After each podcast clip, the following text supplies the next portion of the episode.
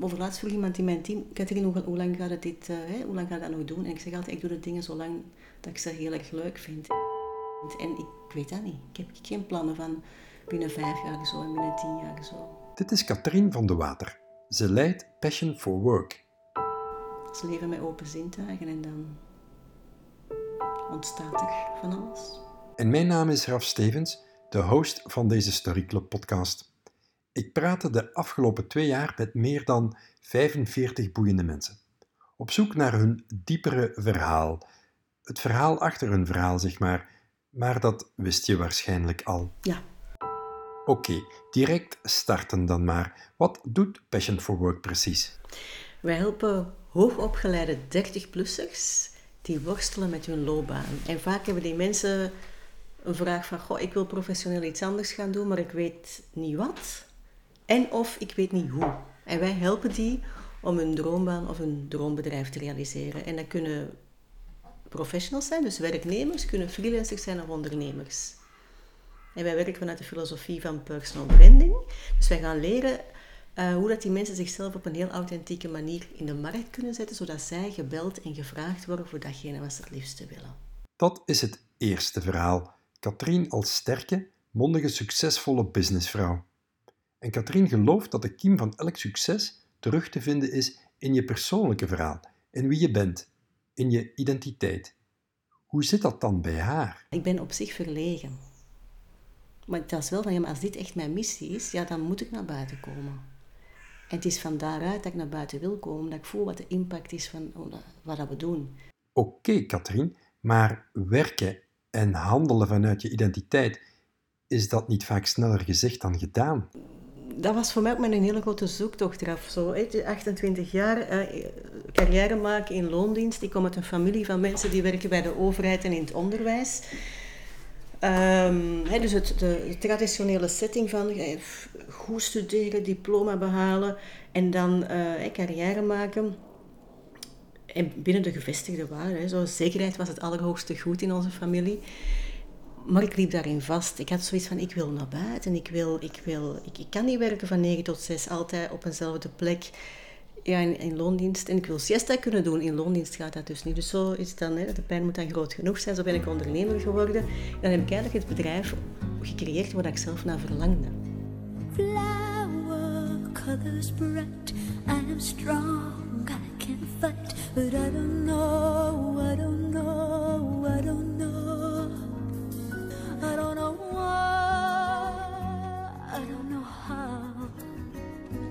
if I can fly.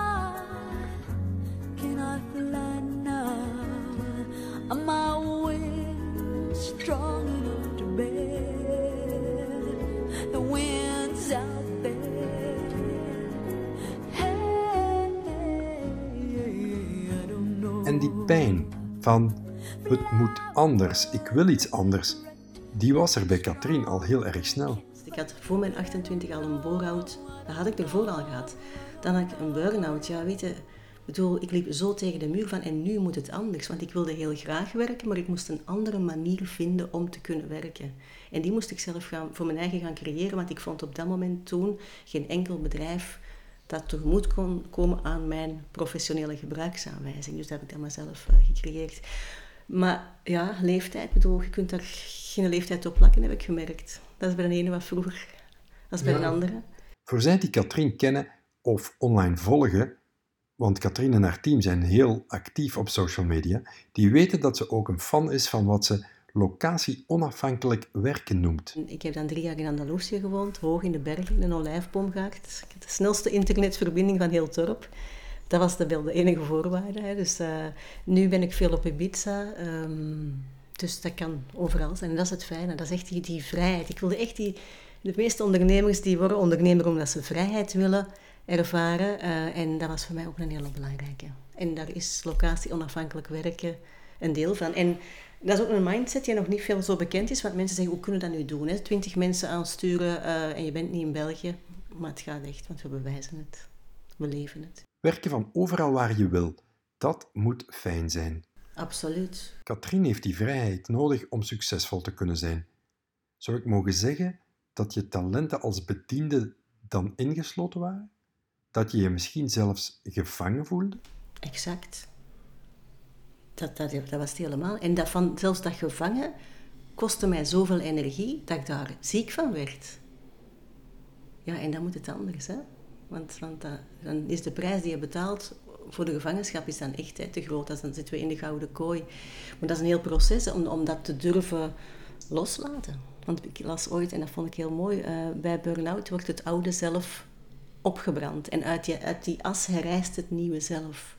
Maar dat is wel spannend, want mijn identiteit hing ook vast aan wie dat ik op dat moment was. Ik had een grote bedrijfswagen, ik, had, uh, ik was manager van 30 mensen op mijn 28, dus ik was voor de buitenwereld was ik heel goed bezig. Ik woonde samen met ik had een leuke relatie, ik woonde in een, in een leuk appartement en diep van binnen dacht ik, en ik ben niet gelukkig. En dat is confronterend.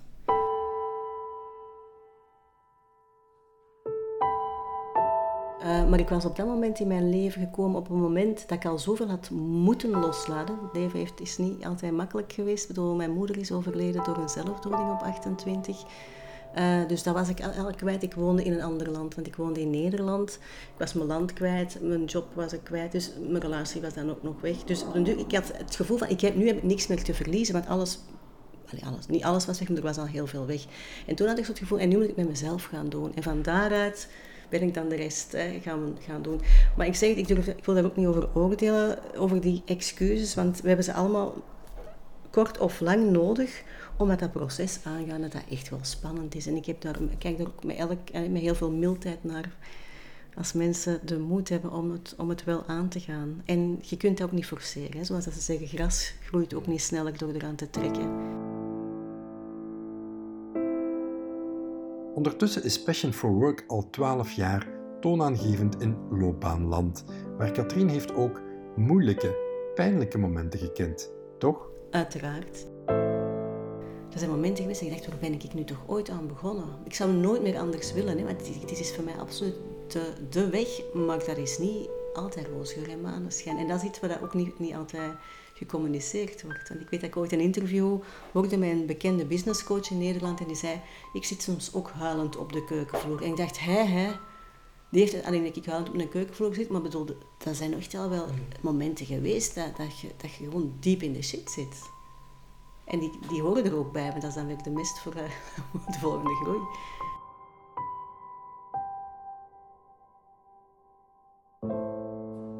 Als je, en dat was voor mij toch ook wel momenten dat moeilijk ging, een, belangrijke van, goh, waarom ben ik hier nu ooit mee gestart? En, en dat echt gaan voelen. En, en dat is zo de burning desire om dan toch door te gaan. Ook al, want ondernemen is niet altijd leuk. Hè? Ik bedoel, Waarom doe je wat je doet? Ken je Simon Sinek? Een van mijn helden. Hij werd bekend met het boek Find Your Why. Met dit boek en met dit uitgangspunt heeft Simon Sinek wereldwijd miljoenen mensen geïnspireerd om te streven naar een wereld waarin ons leven en ons werk ons echt voldoening moet kunnen brengen. Leven vanuit het grote inzicht van je why, je waarom, noemt hij dit. Maar het is voor velen niet gemakkelijk om echt door te dringen tot een waai, zegt Katrien. Waardoor word jij gedreven? Wat geeft jou voldoening? Vaak blijven we steken in woorden over wat we doen en welke functie we bekleden. Ons eigen verhaal dat teruggrijpt op onze oorsprong, onze ervaringen vanuit het verleden, die gevoelens daar rond, dat verhaal is vaak buiten beeld geraakt. Hoe zit dit bij Katrien? Wat is haar grote waarom? Ik zal het misschien even persoonlijk toepassen, hè, mijn waai. Dus, maar de, de, echt een hele diepe waai. Ik heb dit de eerste jaren als ik begon nooit durven uitspreken, want dat was echt te, te kwetsbaar. Ehm, ik heb verteld dat mijn moeder overleden was door een zelfdoding hè, toen ik 28 was. Ik, bedoel, ik kon daar helaas niks aan veranderen. Ik ben ook geen psycholoog, geen psychiater, dus ik kan aan die thematiek niks veranderen. Maar ik heb wel zoiets van, via een hele concrete ingang van werk willen wij mensen wel leuker leven geven. Hè? Dus, dus het is een heel concrete ingang. Hè? Dus niet, van, ik bedoel, niet existentieel, ik weet niet wat. Dus de ingang is werk. Maar ik geloof dat wie leuk werk heeft, een leuker mens wordt. En op die manier willen wij Vlaanderen een positieve injectie geven. Dus dat is eigenlijk... Dat is die why. Ik bedoel, en dat komt ook vanuit mijn eigen story, wat ik, wat ik gezien heb van... Ik heb in mijn familie helaas um, veel problematiek rond zelfdoding meegemaakt. Rond mensen die hun ding niet vonden. Ehm, en dan machteloos daar naartoe kijken en denk ja, dat machteloze wilde ik niet doen, maar dan doe ik het op deze manier. Dus ik heb een vorm gezocht die dan wel paste bij wie ik was, zonder een, studie psychiatrie te gaan volgen, want dat is totaal mijn ding niet. Dus, dus dat is mijn why. En het is die why die ervoor zorgt dat ik op podiums ga staan. Katrien houdt van de natuur. Ze wandelt ook graag. Zo deed ze ook al een pelgrimstocht naar Santiago de Compostela. Wandelingen brengt inspiratie, zei ze me. Wat inspireert Katrien nog meer? Ontmoetingen met mensen. En vooral oude mensen, moet ik dat nu zeggen. Uh, inspireren, ik kan zo geboeid zijn door inspirerende oude mensen. Wat bedoel ik met inspirerende oude mensen? Weet je, op de leeftijd van 70, 80 is dat heel duidelijk welk soort leven dat je geleefd hebt. Dan is dat heel zichtbaar. Hè? Dan, op 20 is dat nog niet zo zichtbaar. Maar, en ik heb de eer en het genoeg, ik weet niet hoe het komt, maar ik heb al zoveel fantastische oudere mensen ontmoet die daar nog super vitaal zijn. Die op de route naar Santiago de Compostela kwam ik best veel wat tachtigers tegen. Um, ik ga dan met die mensen in gesprek van waarom doe je dat, hoe blijft je jong, hoe kijkt je naar het leven. Dus ik leer heel veel van die mensen. Dus, dus dat is uh, bijvoorbeeld, hè, dus ontmoetingen met mensen, niet alleen oudere mensen, hè, maar vooral die dat ik denk, ja, wat maakt nu dat deze 80-plusser hier hè, wandelt en dat er heel veel mensen ja, uitgedoofd zijn. Je ziet aan die ogen, hè. In mei dit jaar had ik een fijn gesprek met Joost Callens, de bedrijfsleider van Durabrik. Hij was toen net terug van zijn tocht naar Santiago. Dat moet dan toch iets heel speciaals zijn. Absoluut. Want? Goh, ik heb die drie keer gedaan. maar van het verschillende stukken heb ik ze gedaan. Dus uh, de eerste keer was ik... Uh, nee, drie jaren voor mijn burn-out was, dus op zijn 27. En toen ben ik een maand gegaan. En dan ben ik nadien nog eens gegaan, maar dan drie weken. En dan nog eens, nog eens drie weken, maar dan ook vanuit Portugal en zo. Maar stukken, hè, bedoel, ik heb niet drie keer de volle... Ik heb de meeste mensen denken de Camino de Santiago en dan denken ze aan de Camino Frances van Saint-Jean-Pierre-de-Port tot, tot Santiago de Compostela. Uh, ik heb vanuit Porto naar Finisterre gewandeld. Er zijn heel veel wegen naar, Rome, maar ook heel veel wegen naar Santiago. Hè. Dus um, en voor mij was dat een van de mooiste ervaringen in mijn leven. Ook om het, ik heb dat ook bewust alleen gedaan. Um, ik ben toen in een staat van zijn gekomen die eigenlijk met niks heb kunnen evenaren. Zo die cadans van dat wandelen. Je hebt ook niks te doen op een dag, alleen maar te wandelen en die pijlen te volgen en te eten en een slaapplek te vinden. Maar dat leven is heel basic. Toen waren er ook nog geen gsm's, dus ik was gewoon geconnecteerd met mezelf. En ik liep ook bewust alleen. Ehm, en die connectie met mezelf en zo in die, in die rust te komen. En ja, dat, ik vond dat fantastisch. Om eigenlijk uit mijn hoofd in mijn lijf te komen en dan één te zijn met de natuur en dan komen er dingen op je pad. Ik heb daar wel ontmoetingen met mensen gehad, hè, maar het is s'avonds dan, ik wilde echt wel alleen wandelen. Um, dus ja, mensen die twijfelen om hem ooit te lopen, ik zou zeggen, niet te lang twijfelen, maar gewoon doen. Gewoon doen. Tja, denk ik dan. Zo'n tocht, dat lijkt me toch niet voor iedereen. Ik heb, ik heb twee whiplashes gehad, ooit voordat ik die route ging lopen. En mijn osteopaat zei van, oh nee Katrien, wat ga je nu weer doen? Want ik had een vrij avontuurlijk leven geleid. Met uh, extreme expedities vroeger toch wel.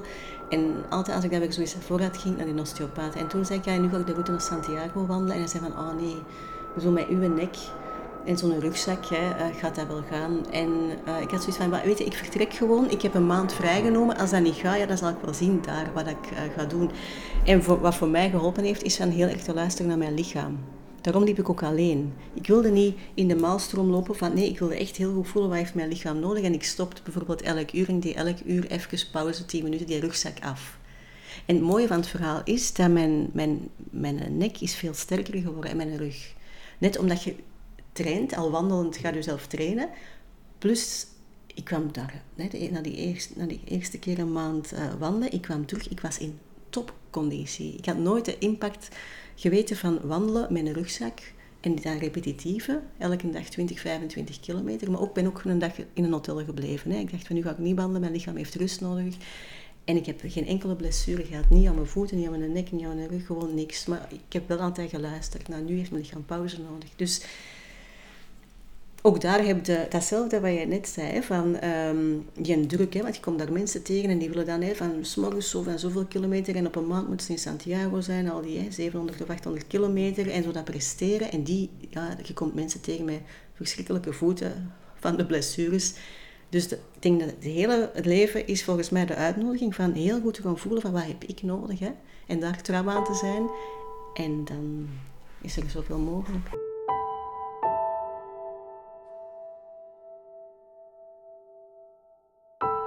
De, de, sociale druk is groot hè, op die Camino de Santiago. Want ik was degene, hè, je komt elkaar tegen, want je loopt alle dagen ongeveer hè, dezelfde etappes. En ik was iemand die dan af en toe een dag in een hotel ging, in een chic hotel. Dat vonden ze ook wel, dat kon niet als pelgrim. Of ik ging een wijn drinken in een Parador. Ja, dat kon toch niet, want dat moest toch low budget. Ik bedoel, why? Um, maar ik bleef dan soms de hele dag in een hotel in mijn bed liggen, want dan had ik goesting om te lezen. Ik pakte dan de bus een etappe verder, want dat was een etappe waar dan niks te zien was langs een autostrade.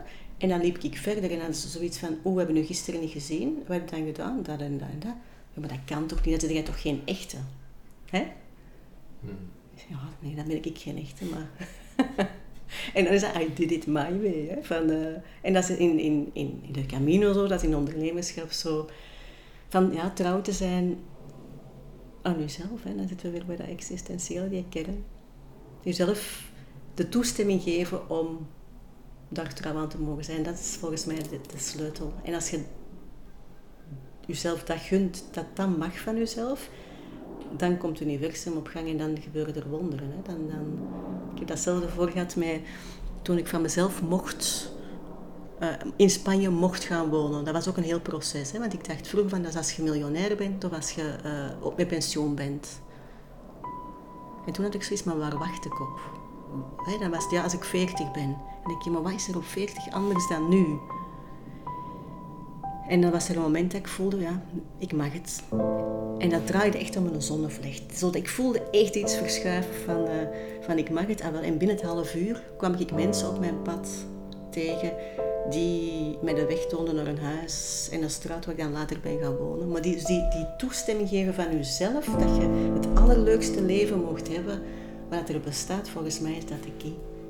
U luisterde naar een nieuwe editie van de Story Club podcast. Mijn naam is Raf Stevens. Ik sprak deze keer met Katrien van de Water, eigenares en bezielster van Passion for Work. Wil je meer weten over de kracht van je persoonlijk verhaal? Ga dan naar rafstevens.be. Oh ja, dit nog bijna vergeten. Vanaf nu zijn er ook Story Circles. Dus naast deze Story Club podcast, die je kan beluisteren, kan je ook actief deelnemen aan de Story Club.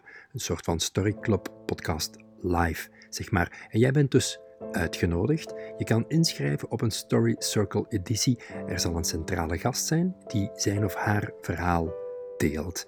En daarna starten we met het luisteren naar elkaars verhalen. Vanuit de kracht van de groep, in vertrouwen, is het de bedoeling om samen aan persoonlijke ontwikkeling te doen.